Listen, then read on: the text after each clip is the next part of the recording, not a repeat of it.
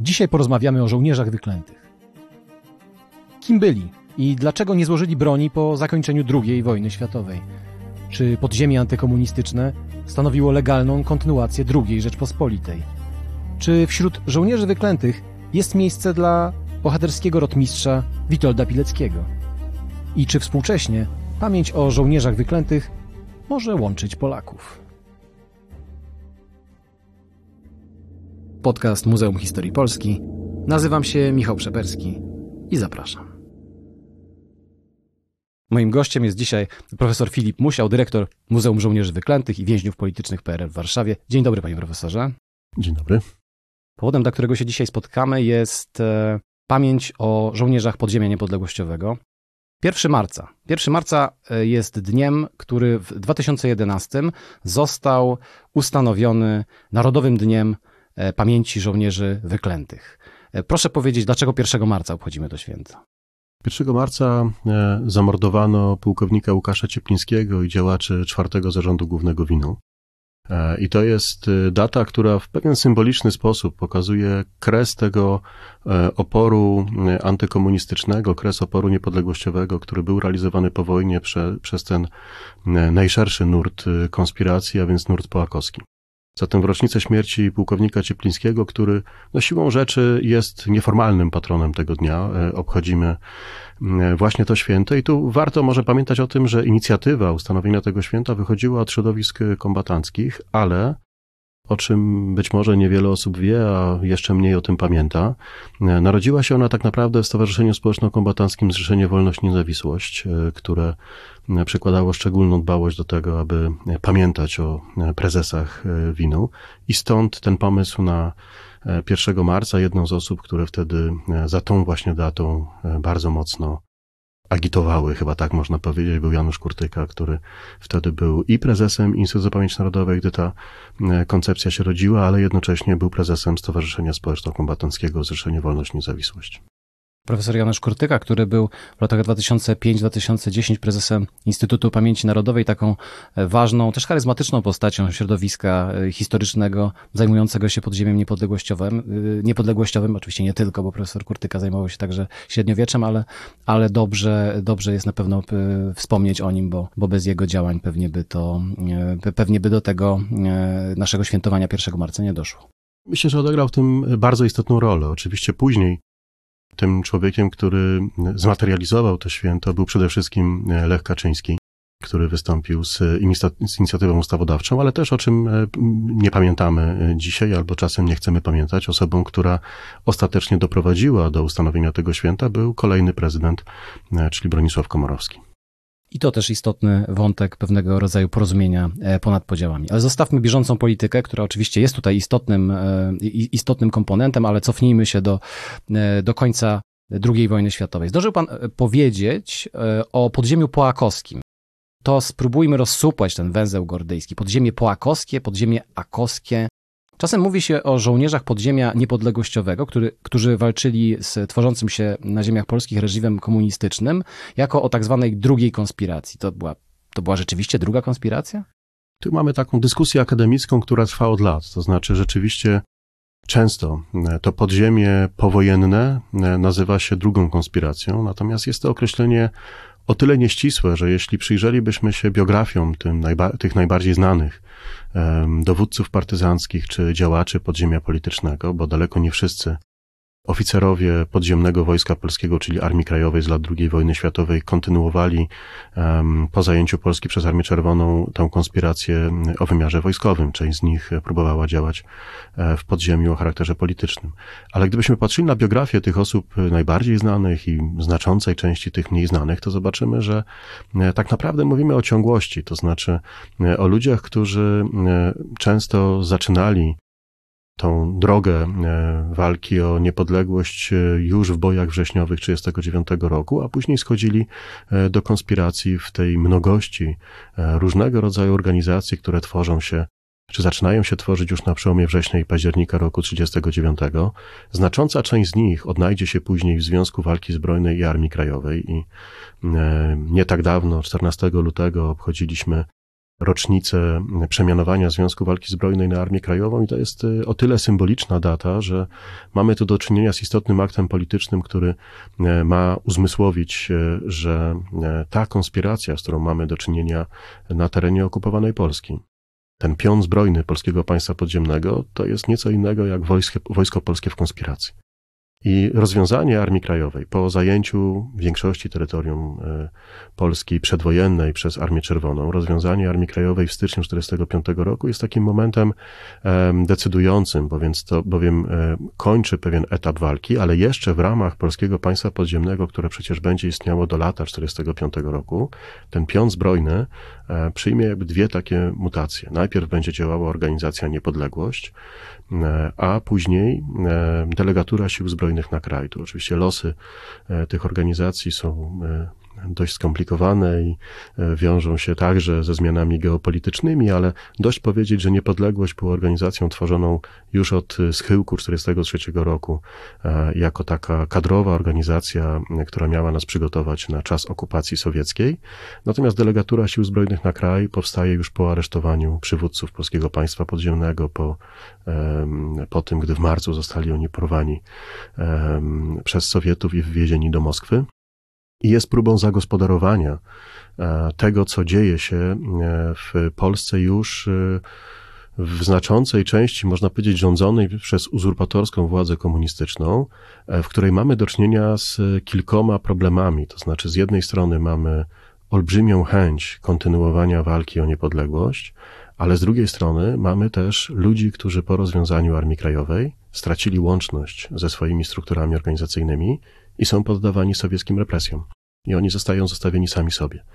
E, IDZ właściwie pełni e, takie dwie funkcje. Z jednej strony próbuje tych ludzi e, odnaleźć, nawiązać z nimi kontakt, ale z drugiej strony dąży do czegoś, co wówczas nazywano rozładowywaniem lasów. To znaczy dąży do tego, aby wyprowadzić ludzi z podziemia, bo delegatura sił zbrojnych na kraj, czy jej kierownictwo stało na stanowisku, że w drodze walki zbrojnej niepodległości e, odzyskać się nie da, bo trzeba by pokonać nie tylko komunistów e, polskich, co pewnie być może dałoby się zrobić, ale trzeba by pokonać także Związek Sowiecki, a to nie wchodziło w grę.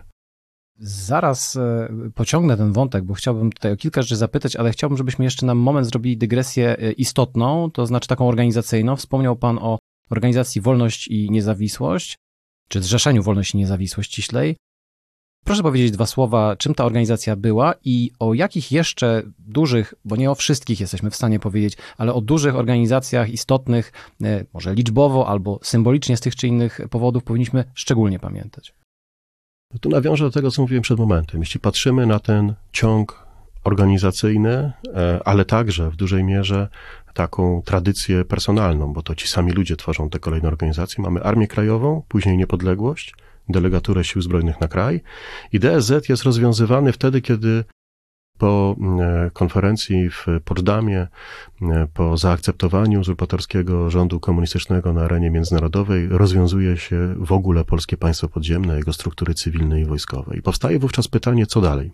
I ten nurt poakowski, o którym mówimy, który wyszedł z Armii Krajowej, przyszedł przez niepodległość do delegatury sił zbrojnych na kraj, postrzega wówczas sytuację w ten sposób. Drogą zbrojną Wywalczyć niepodległości nie zdołamy, ale w czasie konferencji jałtańskiej zapowiedziano, że w Polsce będą wybory. To te wybory są dla nas punktem odniesienia i musimy robić wszystko, aby wyborów nie dać sfałszować.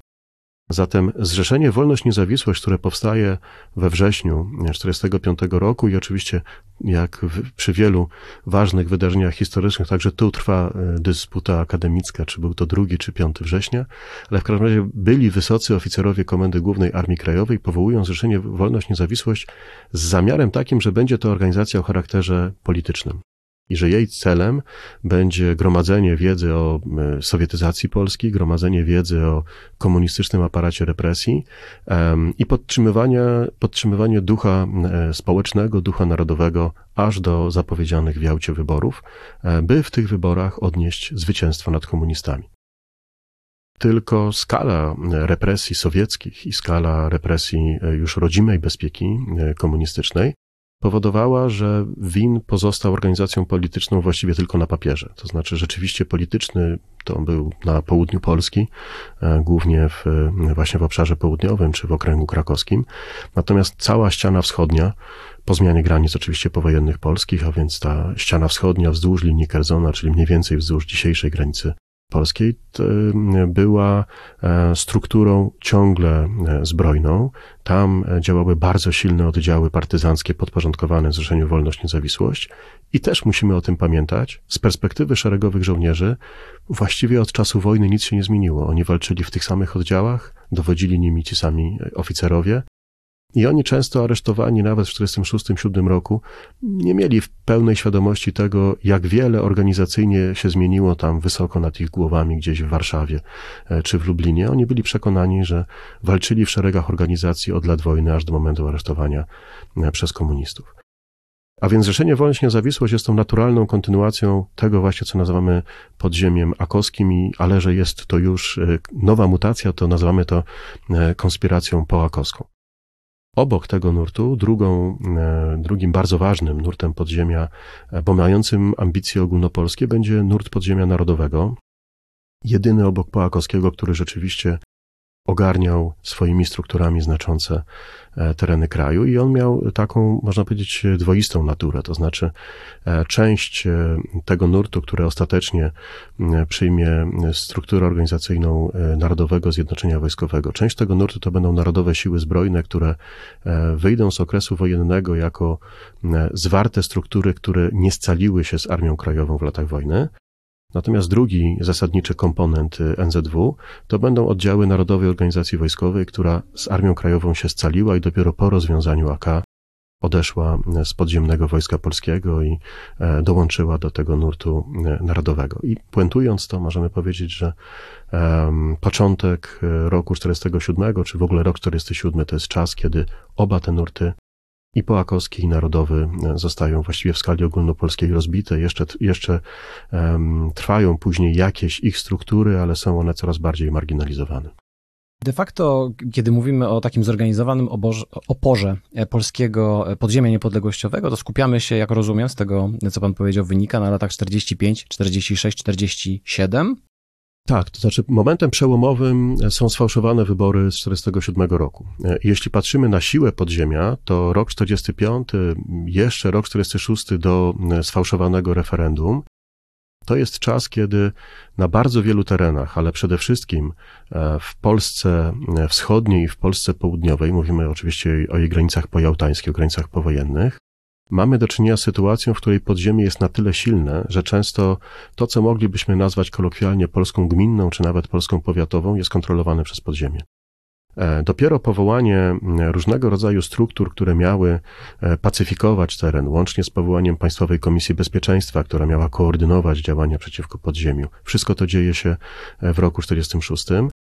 Przynosi działania, które kończą się olbrzymimi pacyfikacjami przeprowadzanymi zimą na przełomie roku 46 i 47 i tu musimy zdać sobie sprawę z logiki walki partyzanckiej, to znaczy zgrupowania partyzanckie, oddziały partyzanckie zimą nie są w stanie e, kontynuować właściwie działalności, dlatego że są zbyt łatwe do wykrycia z jednej strony, z drugiej strony niezwykle ciężko jest e, utrzymać większe oddziały, wyżywić, e, zaaprowizować, ubrać, przechować w warunkach leśnych czy górskich. Dlatego większość oddziałów jest demobilizowanych wczesną zimą. Żołnierze, partyzanci udają się na meliny bezpieczne do wsi, do miast i e, ponownie wracają do lasu czy w góry dopiero wiosną. I właśnie e, zimą na przełomie roku 46-47 przez e, polskie lasy i przez polskie góry przeszły zmasowane obławy bezpieki Korpusu Bezpieczeństwa Wewnętrznego, które miały wychwycić tych, którzy w lesie zostali, czyli najczęściej dowódców, sztaby partyzanckie z nielicznymi oddziałami osłonowymi. I to jest też czas, kiedy Znacząca część tych, którzy zostają w lesie czy w górach, ginie w walce, albo jest przez bezpiekę aresztowana i później bardzo często skazywana na karę śmierci albo na wieloletnie więzienie. Więc to sprawia nam e, sytuację taką, w której gdy w styczniu dochodzi do sfałszowania wyborów, w lutym ogłoszona jest amnestia, to bardzo duża część partyzantów, którzy zdemobilizowali się zimą, w obliczu tego, że nie ma do kogo wracać, bo ich dowódcy nie żyją albo siedzą w więzieniu, tej amnestii się poddaje, ujawnia się przed komunistami, a konsekwencją tego jest bardzo często e, późniejszy wyrok i więzienie, bo amnestia była tylko wybiegiem ze strony komunistów, który miał pomóc zewidencjonować podziemie. Jednym słowem, e, to początek roku 1947 jest takim też wyraźnym, istotnym punktem w, w historii polskiego oporu zbrojnego przeciwko komunistom polskim w znaczeniu podziemia, oporu prowadzonego przez podziemie niepodległościowe. Proszę jeszcze powiedzieć o, właściwie o jakiej skali oporu my mówimy, bo tak jak e, pan to opowiedział, to właściwie można to e, różnie rozumieć, ale jeżeli wsłuchalibyśmy się w ten wątek, którym opowiedział Pan o e, no, kontroli Polski gminnej, powiatowej, jej części oczywiście, przez podziemie niepodległościowe, no to, to by wskazywało na to, że skala oporu była naprawdę poważna.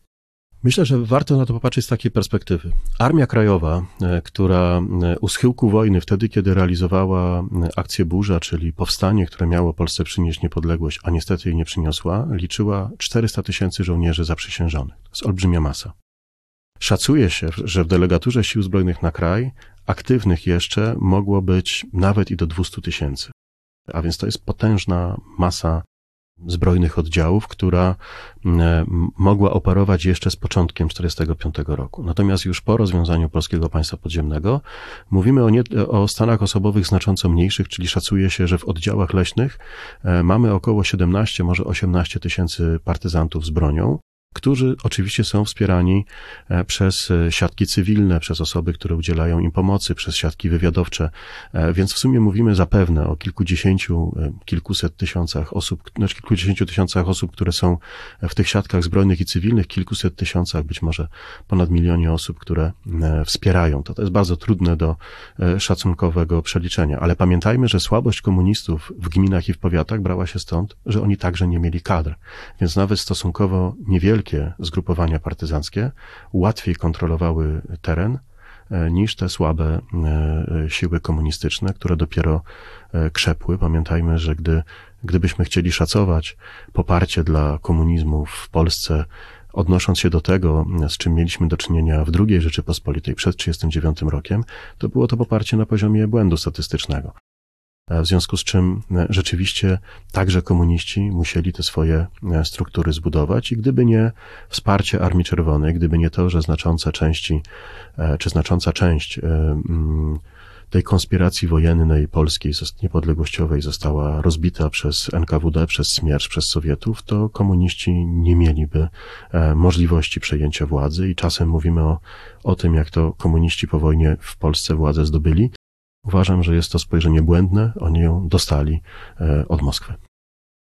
No właśnie, to powiedzmy jeszcze może dosłownie dwa słowa na temat tego, z jaką siłą podziemie niepodległościowe musiało się mierzyć, bo z jednej strony mamy tutaj do czynienia z kilkunastoma tysiącami, w najlepszym wypadku kilkudziesięcioma, może dwudziestoma tysiącami ludzi w lasach, jeżeli dobrze zrozumiałem. Oczywiście wsparcie siatek, o których była mowa, no ale wojska NKWD, czyli czy też MWD później, a więc y, y, sowieckiego Ministerstwa y, Spraw Wewnętrznych, de facto po prostu oddziały brutalnie pacyfikujące jakikolwiek, wszelki opór cywilny czy, czy wojskowy. Do tego jeszcze oddziały Korpusu Bezpieczeństwa Wewnętrznego, a więc takiej siły, która no w jakimś sensie no była wzorowana, jak rozumiem, na, też na oddziałach NKWD. Tak czy inaczej, wydaje się, że to była ogromna siła, z którą podziemie niepodległościowe musiało się mierzyć. Jest kilkadziesiąt tysięcy osób po tej drugiej stronie, przy czym te proporcje się zmieniają, to znaczy początkowo kluczową rolę odgrywają Sowieci, później coraz większą rolę zaczynają mm, odgrywać e, te struktury tworzone przez rodzimą bezpiekę czyli właśnie Ministerstwo Bezpieczeństwa Publicznego i jego ogniwa w terenie, ale także Korpus Bezpieczeństwa Wewnętrznego, Milicja Obywatelska, później także ORMO, czyli Ochotnicza Rezerwa Milicji Obywatelskiej. I gdybyśmy patrzyli na, na logikę tych działań, to e, rok 45, połowa tego roku, lato tego roku, to jest czas, w którym inicjatywę e, przejmują rodzimi komuniści. Ostatnią samodzielną, dużą akcją e, sowiecką jest pacyfikacja Puszczy Augustowskiej w lipcu 1945 e, roku, w czasie której zamordowanych zostaje około 600 e, Polaków, działaczy czy posądzonych przez Sowietów o to, że są konspiratorami, że są działaczami niepodległościowymi. I właściwie później mamy już do czynienia z sytuacją taką, w której Sowieci są tylko nadzorcami polskich działań przy każdym Urzędzie Bezpieczeństwa od centrali w Warszawie po powiaty e, funkcjonują ludzie, których początkowo nazywa się bardzo trafnie instruktorami, później doradcami, a popularnie mówi się na nich sowietnicy, czyli oficerowie NKWD, przydzieleni do polskiej bezpieki formalnie po to, mm, by pomagać, a faktycznie, jak wiemy, z bardzo wielu przypadków po to, by wręcz animować te działania, czy wytyczać kierunki działań przeciwko podziemiu. Panie profesorze, to teraz może troszeczkę zmieńmy perspektywę. Niech mi pan powie, tak naprawdę, czy walka podziemia niepodległościowego to było coś nieuchronnego? Czy nie można było się no po prostu poddać silniejszemu? Czy nie można było przyjąć do wiadomości, że Związek Sowiecki jest po pierwsze zwycięski na, na terenach Europy Środkowej, po drugie, że jest sojusznikiem e, wymuszonym czy nie, ale uznawanym przez Stany Zjednoczone, Wielką Brytanię, przez te siły, które e, też współzwyciężyły w II wojnie światowej. W jakim, w jakim świecie można sobie wyobrazić zwycięstwo nad taką siłą? Ja bym zaczął od końca. To znaczy, czy rzeczywiście Związek Sowiecki jest y, sojusznikiem Stanów Zjednoczonych w tej pierwszej e, fazie po upadku Berlina? Jeszcze tak. Natomiast z perspektywy polskiej musimy patrzeć na to, że działania sowieckie po II wojnie światowej, czy w tej drugiej fazie wojny, wpisywały się w ciąg działań, których Polska doświadczała właściwie od 17 roku, kiedy już e, w optyce Włodzimierza Lenina byliśmy e, traktowani jako ta przegroda czy przepierzenie, które oddziela, oddziela e, komunistyczne Sowiety od wysoko uprzemysłowionych krajów zachodnich i jesteśmy i byliśmy wówczas przeszkodą w rozprzestrzenieniu rewolucji komunistycznej na zachód. A więc Wojna polsko-bolszewicka, później e, tak zwana operacja antypolska NKWD w roku 1938, w konsekwencji której e, wymordowano ponad 100 tysięcy Polaków zamieszkałych na terenie Związku Sowieckiego, pakt Ribbentrop-Mołotow, agresja sowiecka 17 września 1939 roku na niepodległe państwo polskie, zbrodnia katyńska, deportacja w głąb Związku Sowieckiego, to wszystko wpisuje się w ten ciąg działań antypolskich, który jest kontynuowany także w latach 44-45 i oczywiście można mm, było zapewne przyjąć, że oto mamy do czynienia z taką sytuacją e, polityczną, jaką mamy, i pewnie znajdziemy bardzo wiele przykładów e, osób, które e, niekoniecznie poszły na służbę reżimu komunistycznego, ale mimo to, że nie oddały się tej służbie, to jednak jakoś w tej Polsce ludowej trwały, ale z drugiej strony możemy patrzeć na to tak. Jaki wybór stał przed tymi, którzy przez całą II wojnę światową walczyli o niepodległość? Mogli, tak jak generał August Emil Fildorf-Nilk, mogli po zsyłce do łagrów powrócić do Polski i uznać, zostałem zesłany jako Walentek Danicki, ale chcę się ujawnić, bo po e, wielu latach konspiracji i ukrywania się chcę wreszcie wrócić do e, rodziny. I Fildorf to zrobił. Po czym został aresztowany, w sposób hańbiący skazany z dekretu sierpniowego, z którego skazywano zbrodniarzy niemieckich i tak zbrodniarze niemieccy powieszony przy Rakowieckiej 37 w Warszawie. Odebrano mu nawet żołnierską śmierć przez rozstrzelanie.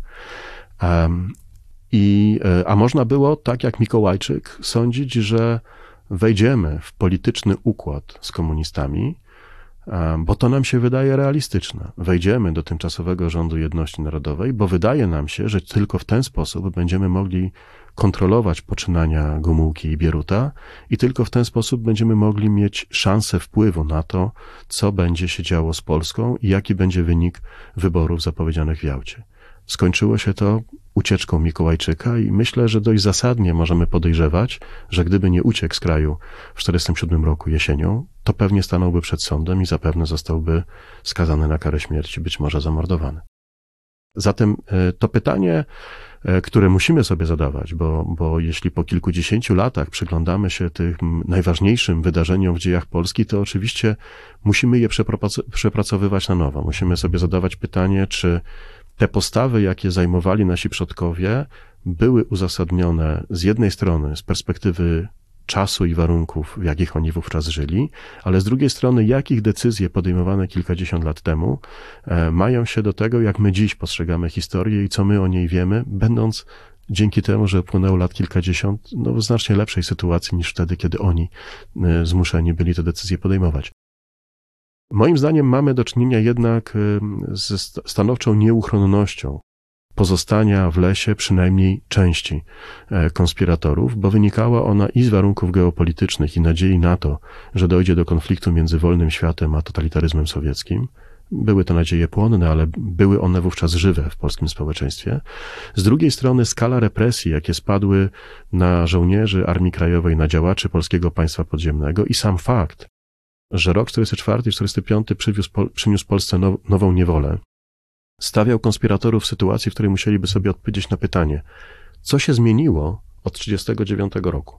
Bo schodząc do konspiracji, ślubowaliśmy, że będziemy walczyli o niepodległość Polski.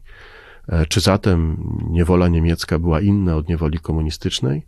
Czy państwo, które nie jest państwem suwerennym nie jest państwem niepodległym, jest państwem, ale jest jakąś formą państwowości? E, czy to zwalnia mnie z przysięgi, którą złożyłem wtedy? Myślę, że dla takich osób jak rotmistrz Witold Pilecki, jak pułkownik Łukasz Ciepliński, jak major Hieronim Dekutowski, odpowiedź była tylko jedna. Złożyliśmy przysięgę, że będziemy walczyli o niepodległy kraj i możemy ten kraj e, niepodległym uczynić, albo zginiemy w tej walce, bo innej drogi nie ma. Wymienił pan e, nazwiska bardzo ważnych wojskowych i, przywódców też e, no, w pewnym sensie politycznych, można powiedzieć, ale przede wszystkim wojskowych liderów e, podziemia niepodległościowego walczącego e, z komunistami, to chciałem teraz zapytać o bardzo ważną kwestię terminologiczną, która moim zdaniem powraca i prawdopodobnie będzie powracała. 1 marca świętujemy Narodowy Dzień Pamięci Żołnierzy Wyklętych, ale żołnierze wyklęci to właściwie kto to jest? No i to jest e, problem, który jest niezwykle złożony, bo z jednej strony Mówimy o nich żołnierze, i, i, zacznę znowu od końca. Znaczy, z jednej strony mówimy o nich żołnierze wyklęci, ale gdybyśmy wsłuchali się w debatę publiczną, która e, w ostatnich latach e, przetacza się przez Polskę, to nie brakuje osób, które kwestionują to określenie wyklęci i woleliby, aby ich nazywać żołnierzami niezłomnymi. Z drugiej strony nie do końca wiemy, co to tak naprawdę oznacza żołnierze wyklęci, w tym sensie, że jest to pojęcie bardzo nieprecyzyjne. To znaczy, ono się odnosi e, do, te, do tych, którzy walczyli z komunistami, no, bardzo często mówimy po II wojnie światowej. Ale tak naprawdę e, myślimy o tych, którzy walczyli o niepodległość Polski po tym, gdy ich teren, e, czy teren, na którym walczyli, został zajęty przez Armię Czerwoną. Przecież e, żołnierze Armii Krajowej, którzy pozostali na kresach Polsce odebranych, ci, którzy zostali na wschód od linii Kerzona, walczyli z Sowietami już od 1944 roku, od momentu, kiedy te tereny zostały po raz drugi po 1939 roku włączone w, do, do Związku Sowieckiego. No i jako żywo oni już byli żołnierzami wyklętymi, oni już, kontynu- oni już realizowali ten nowy etap walki, już nie, już nie e, walki wojennej z okupantem niemieckim i sowieckim, ale walki e, w tych nowych warunkach geopolitycznych, walki, która będzie e, w Polsce powojennej realizowana od 1945 roku. Myślę, że w ten sposób powinniśmy patrzeć też na tych, którzy walczyli z komunizmem i z Sowietami już e, w drugiej połowie 1944 roku na terenach wschodnich e, Polski, czyli między Wisłą e, a Bugiem. Ale mamy też takie pytanie, jak choćby wspomniany tu generał Fildorf-Niel, czy on, który nie podejmował działalności konspiracyjnej po powrocie z Łagrów, czy on jest żołnierzem wyklętym? Czy nie jest. 1 marca z reguły go wspominamy. Zatem jest to pojęcie bardzo nieprecyzyjne, które e, w sposób ogólny odnosi się do tych, którzy e, nie złożyli broni i walczyli o niepodległość Polski po zajęciu Polski przez Armię Czerwoną, ale mamy problem z takim jednoznacznym zdefiniowaniem tego pojęcia i pod względem chronologicznym, i pod względem e, rzeczowym, tak można powiedzieć. No dobrze. Chciałbym, żebyśmy w takim razie poszli tym tropem e, spojrzenia na mm, fenomen żołnierzy podziemia niepodległościowego e, z perspektywy historyka. Mm, proszę mi powiedzieć, tutaj e, wystroję się w szaty naiwnego. Proszę mi powiedzieć, dlaczego właściwie powinienem, albo też warto by było, żebyśmy, żebym ja, albo żeby i nasi słuchacze potraktowali żołnierzy wyklętych jako element tradycji niepodległościowej, do której warto nawiązywać? Po pierwsze, musimy sobie odpowiedzieć na pytanie, do jakiej tradycji jako wolne państwo chcemy nawiązywać. Jeśli odpowiemy sobie na to pytanie w ten sposób, że niepodległość sama w sobie jest wartością, że posiadanie suwerennego, niepodległego państwa, że prawo do samostanowienia, wolność obywatelska to są wartości, które są dla nas istotne, to wtedy w naturalny sposób w ogóle w dziejach Polski zwracamy się ku tradycji niepodległościowej. I gdy popatrzymy na tą dyskusję, która się toczy e, od, myślę, że można tak powiedzieć, kilkuset lat w Polsce, to zwrócimy uwagę, że mm, ta tradycja niepodległościowa e, ma awers i rewers. To znaczy, mamy tą e, tradycję insurekcyjną, która wiąże się z czynem zbrojnym, ale mamy też tą tradycję pozytywistyczną, która mm, wiąże się z podtrzymywaniem ducha narodu innymi narzędziami. Żołnierze wyklęci są jednym z e, niezwykle istotnych elementów tego łańcucha pokoleń, e, które e, wspierało, które budowało swoimi czynami właśnie ten nurt tradycji insurekcyjnej. E, czyli gdy patrzymy na powstańców styczniowych, na powstańców listopadowych, gdy patrzymy na tych, którzy walczyli o niepodległość Polski w legionach polskich, czy w białych legionach, czy w błękitnej armii generała Halera, na tych, którzy walczyli w powstaniu wielkopolskim, powstaniach śląskich, w wojnie polsko-bolszewickiej w 1939 roku, w szeregach Armii Krajowej e, w latach II wojny światowej, to e, to, co robili żołnierze wyklęci, jest kontynuacją tego czynu. To znaczy, walczymy zbrojnie na tyle, na ile jest to możliwe, o niepodległy kraj. I stanowią oni zatem naturalną kontynuację tamtych działań. E, w związku z tym, jeśli cenimy sobie tradycję niepodległościową, to cenić powinniśmy sobie także i ich postawę, i ich dokonania e, z tych lat powojennych. W propagandzie komunistycznej, e, nie tylko w, w, okresie lat 50., 60., 70., ale także na bieżąco, jeszcze, jeszcze, w latach, jeszcze w latach 40., bardzo często mówiono o bandach o bandach leśnych, o, o, bandytach, o tych, którzy, e, no właśnie, popełniali jakiegoś rodzaju przestępstwa, mordowali, kradli, etc. No wszystko, co, wszystko co, możliwie, co możliwie najgorsze. W ten sposób komuniści, propaganda komunistyczna nazywała nikogo innego jak właśnie żołnierzy podziemia niepodległościowego. I chciałoby się powiedzieć, że no nie, to tylko propaganda, ale wiemy, że sytuacja jest nieco bardziej skomplikowana. To znaczy, e, rzeczywiście było tak, że fenomen żołnierzy podziemia niepodległościowego e, był znacznie bardziej skomplikowany. Od pierwszą e, z brzegu osobą, znowu też pytanie, czy możliwą do zaliczenia do grona żołnierzy wyklętych, byłby Romuald Rice, Bury, którego współcześnie traktuje się, no właśnie, w taki mocno ambiwalentny sposób. Są grupy, które widzą w nim bohatera tego bardziej narodowego e, nurtu podziemia niepodległościowego, e, ale są też e, badacze czy działacze, dziennikarze, uczestnicy dyskusji na temat żołnierzy wyklętych, którzy widzą w nim przede wszystkim no, zbrodniarza. Myślę, że takie nazwy, takie sformułowania też się, też się pojawiają. To jak sobie poradzić z tą ambiwalencją, jak sobie poradzić z tym, z tą złożonością, bo y, no chyba nie wystarczy powiedzieć, że dzisiejsi krytycy żołnierzy wyklętych to są po prostu spadkobiercy komunistów. To byłoby nadmierne uproszczenie. Częściowo zapewne tak, natomiast byłoby to nadmierne uproszczenie. I myślę, że należy na to spojrzeć e, z dwóch perspektyw. Pierwszą perspektywą jest e, to, o czym Pan mówił, czyli ten proces kryminalizacji podziemia, który odbywa się e, w momencie, w którym propaganda komunistyczna utożsamia działania niepodległościowe z przestępstwami kryminalnymi. Czyli możemy o tym powiedzieć tak. Jeśli w miejsce konstytucyjnych władz polskich chcemy wprowadzić uzurpatorską władzę e, e, komunistyczną. Jeśli w miejsce symboliki niepodległej Polski chcemy wprowadzić nową symbolikę związaną bardziej z Moskwą niż z tradycją warszawską, to musimy wytworzyć pewną próżnię, w której e, będzie możliwe zainstalowanie tej administracji komunistycznej i tej nowej symboliki. Zatem właśnie niszczenie konstytucyjnych czy podporządkowanych konstytucyjnemu rządowi polskiemu na uchodźstwie władz polskiego państwa podziemnego i wojska polskiego w konspiracji, czyli Armii Krajowej, poprzez siły sowieckie w końcowej fazie wojny, miało wytworzyć tą próżnię, w której będzie możliwość zainstalowania administracji komunistycznej.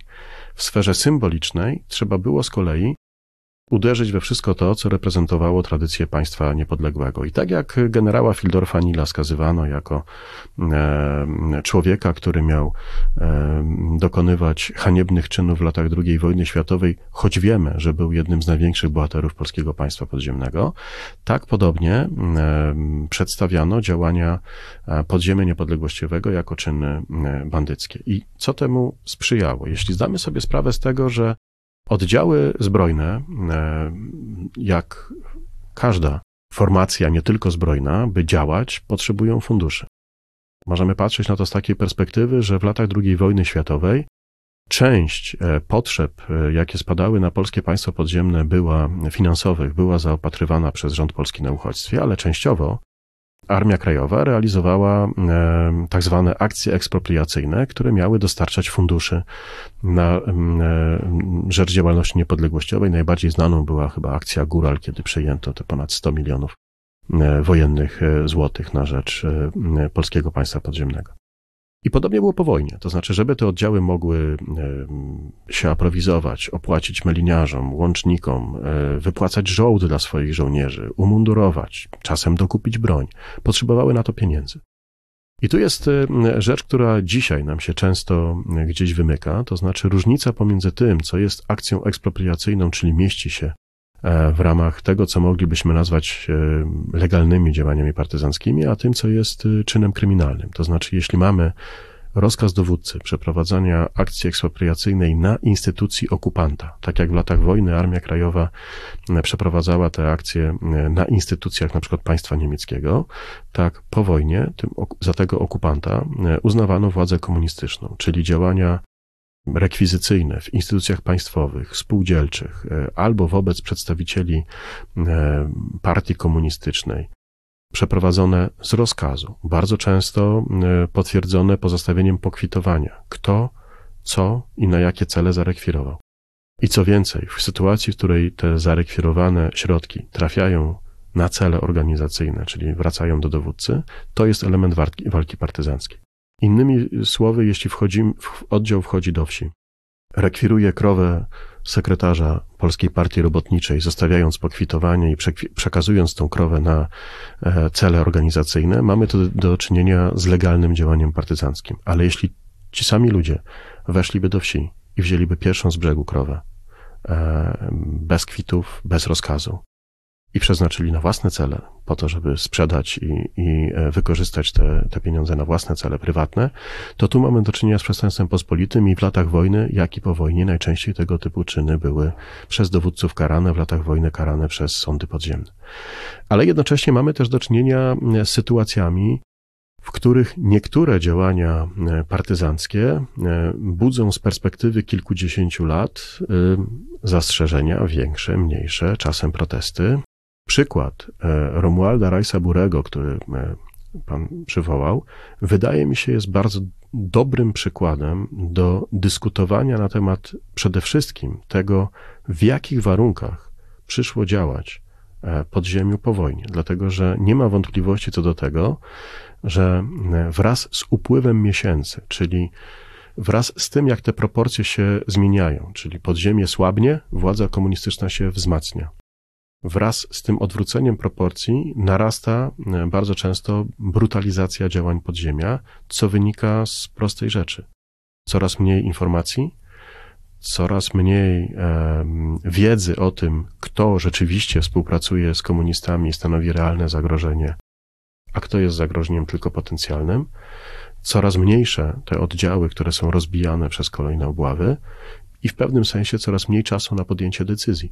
My dzisiaj nie patrzymy na to z tej perspektywy, z jakiej często patrzono na to wtedy, a to jest optyka, która jest dość istotna. Znaczy, mamy do czynienia z ludźmi, którzy w konspiracji e, spędzili kilka lat.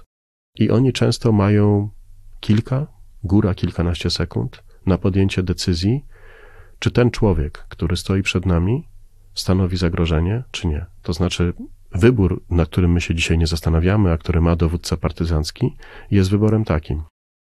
Mogę ponieść odpowiedzialność za wydanie rozkazu likwidacji człowieka, który potencjalnie stanowi zagrożenie dla mojego oddziału, mogę się pomylić, podejmując tą decyzję. Ale likwidując go, zabezpieczam swój oddział. Jeśli go puszczę wolno, a mylę się i okaże się, że on jest nosicielem bezpieki, to zapłacą za to moi ludzie.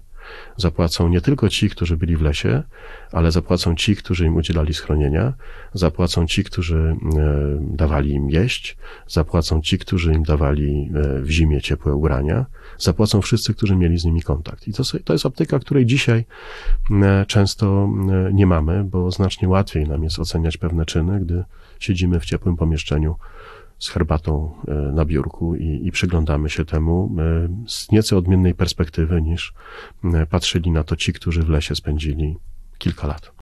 W czasie naszej rozmowy padło nieco nazwisk.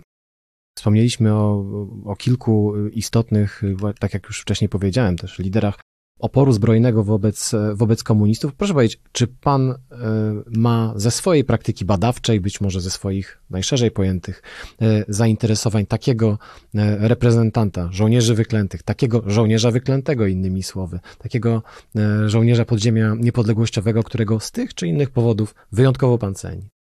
Tak, jako, e, jako dyrektor Muzeum Żołnierzy Wyklętych i Więźniów Politycznych PRL powinienem przede wszystkim przywołać lotmistrza Witolda Pileckiego, którego uważamy za nie, nieformalnego patrona naszego muzeum, ale jako człowiek, który wywodzi się z Krakowa, e, wskazałbym pułkownika Franciszka Niepokulczyckiego. E, wybitną postać, człowieka, który był prezesem drugiego zarządu głównego winu, człowieka, który w latach II wojny światowej był między innymi zastępcą generała Fildorfa Nila, czyli zastępcą tego pionu dywersji e, państwa podziemnego, e, ale jednocześnie człowieka, który będąc prezesem drugiego zarządu głównego winu doprowadził ten największy połakowski nurt podziemia do najsprawniejszego momentu działania. Te struktury były wówczas naj, największe. Szacuje się, że wtedy, gdy Niepokulczycki był prezesem winu, w jego strukturach mogło działać e, około 30 tysięcy e, konspiratorów. To jest trudne do zweryfikowania o tyle, że działacze winu nie składali przysięgi, w związku z czym nie wiemy, ile gdy wiemy, kto składał przysięgę i przed kim, wtedy jesteśmy w stanie te szacunki precyzyjnie e, jakoś oddać. Natomiast tutaj te szacunki są dość nieprecyzyjne, ale szacuje się, że to około 30 tysięcy osób e, w siatkach winowskich za czasów drugiego zarządu głównego winu e, działały i pułkownik Niepokulczycki jest człowiekiem, który Mm, e, dla mnie był też wzorem e, postawy i w czasie śledztwa, i później na e, sali sądowej, kiedy skazywany na karę śmierci, ostatecznie zamieniono ją na dożywotnie więzienie, ale na tej sali rozpraw konsekwentnie pytany o swoich podwładnych, zdejmował z nich odpowiedzialność, mówiąc, że to on wydawał rozkazy, to on ponosi odpowiedzialność za wszystko, co robili jego podwładni, a oni nie mogli się sprzeciwić, bo on był ich zwierzchnikiem organizacyjnym. Także wydaje mi się, że mamy w nim taką materializację wszystkich cnót oficerskich, które chcielibyśmy widzieć w tej pięknej tradycji Wojska Polskiego. Ostatnie pytanie. Żołnierze wyklęci to jest fenomen, który mógł się pojawić w przestrzeni publicznej w, Polsce po 1989 roku, więc w jakimś sensie ściśle pamięć o nim, dyskusje o nim jest, są związane z, z trzecią RP, choć oczywiście swoje dołożyła, to bardzo ważne, historiografia emigracyjna czy, czy historiografia drugoobiegowa, niezależna w PRL-u. Tym niemniej trzecia RP jest dla fenomenu żołnierzy wyklętych e, niezwykle istotna. Czy z dzisiejszego punktu widzenia, po z górą 30 latach funkcjonowania III RP, możemy powiedzieć, że żołnierze wyklęci jako najszerzej rozumiany fenomen, także popkulturowy, to jest e, coś, co Polaków łączy czy dzieli? Ja myślę, że tu mamy do czynienia z bardzo poważnym problemem. To znaczy, że był taki moment e, w naszej historii, wtedy, kiedy ustanawiano Narodowe Święto e, Pamięci Żołnierzy Wyklętych, kiedy ten fenomen był czymś, co nas łączyło. To znaczy, musimy pamiętać o tym, o czym e, dzisiaj zapominamy. To znaczy, że wtedy, gdy podejmowano e, te działania wokół Narodowego Dnia Pamięci, wówczas e, ta ustawa przeszła przez parlament właściwie jednogłośnie. Patrzymy na to także z perspektywy dzisiejszych sporów politycznych bardzo głębokiej, bardzo głębokiego podziału, e, widząc e, coś, co dzisiaj może byłoby dla niektórych trudne do uwierzenia, a więc e, tą kontynuację, czyli działania zaczęte przez Lecha Kaczyńskiego kończy Bronisław Komorowski. A więc te kilkanaście lat temu, w roku 2010-2011, myślę, że był to fenomen, który nas łączył. Dzisiaj mm, jest mm, inaczej. Myślę, że te spory wokół mm, żołnierzy wyklętych są coraz głośniejsze, ale nakłada się na to również e, pewien spadek zainteresowania tym fenomenem. Gdybyśmy się przyjrzeli temu, co działo się pomiędzy rokiem 2010 a 2015, to zwrócilibyśmy uwagę, że 1 marca obchodziliśmy e, to święto w sposób e, bardzo entuzjastyczny i w zdecydowanej większości były to, zwłaszcza w powiatach i w gminach, uroczystości, które były organizowane oddolnie, najczęściej przez młodych ludzi. I myślę, że gdybyśmy cofnęli się do badań społecznych z tamtego czasu, to okazałoby się, że żołnierze wyklęci byli pewnym fenomenem, do którego młodzież bardzo chętnie się zwracała. Kilka lat temu przeprowadzone e, badania społeczne pokazują, że zdecydowana większość opinii publicznej nawet nie wie, jakie święto e, tego 1 marca obchodzimy i dlaczego właśnie je obchodzimy 1 marca. Więc z jednej strony mamy do czynienia z fenomenem, który jest niezwykle istotny z perspektywy polskiej historii, e, z drugiej strony z fenomenem, który w pewnym momencie zdawał się być rozpoznany i pożądany przez e, większość opinii publicznej, a jednocześnie dziś stoimy przed wyzwaniem, e, które polega na tym, aby znowu stał się on fenomenem, który nas e, łączy, a nie jest pretekstem do dyskusji na temat tego, na ile wszyscy razem powinniśmy tego 1 marca świętować. Dla mnie nie ma żadnych wątpliwości, że 1 marca powinien być e, przez nas obchodzony tak jak 11 listopada, tak jak 15 sierpnia, e, dlatego że w znaczącej części oddajemy wtedy hołd e, żołnierzom i oficerom Wojska Polskiego, którzy w nowych warunkach geopolitycznych i politycznych w Polsce pojałtańskiej opuścili, można powiedzieć, szeregi podziemnego wojska, ale kontynuowali walkę w strukturach partyzanckich. O polskim podziemiu niepodległościowym po II wojnie światowej i o pamięci o nim miałem przyjemność rozmawiać z panem profesorem Filipem Musiałem, dyrektorem Muzeum Żołnierzy Wyklętych i Więźniów Politycznych PRL w Warszawie. Bardzo dziękuję za rozmowę. Dziękuję uprzejmie. Podcastów Muzeum Historii Polski wysłuchasz na YouTube, Spotify, Google Podcast, w Audiotece, a także na innych platformach podcastowych. Chcesz być na bieżąco? Subskrybuj kanał Muzeum Historii Polski.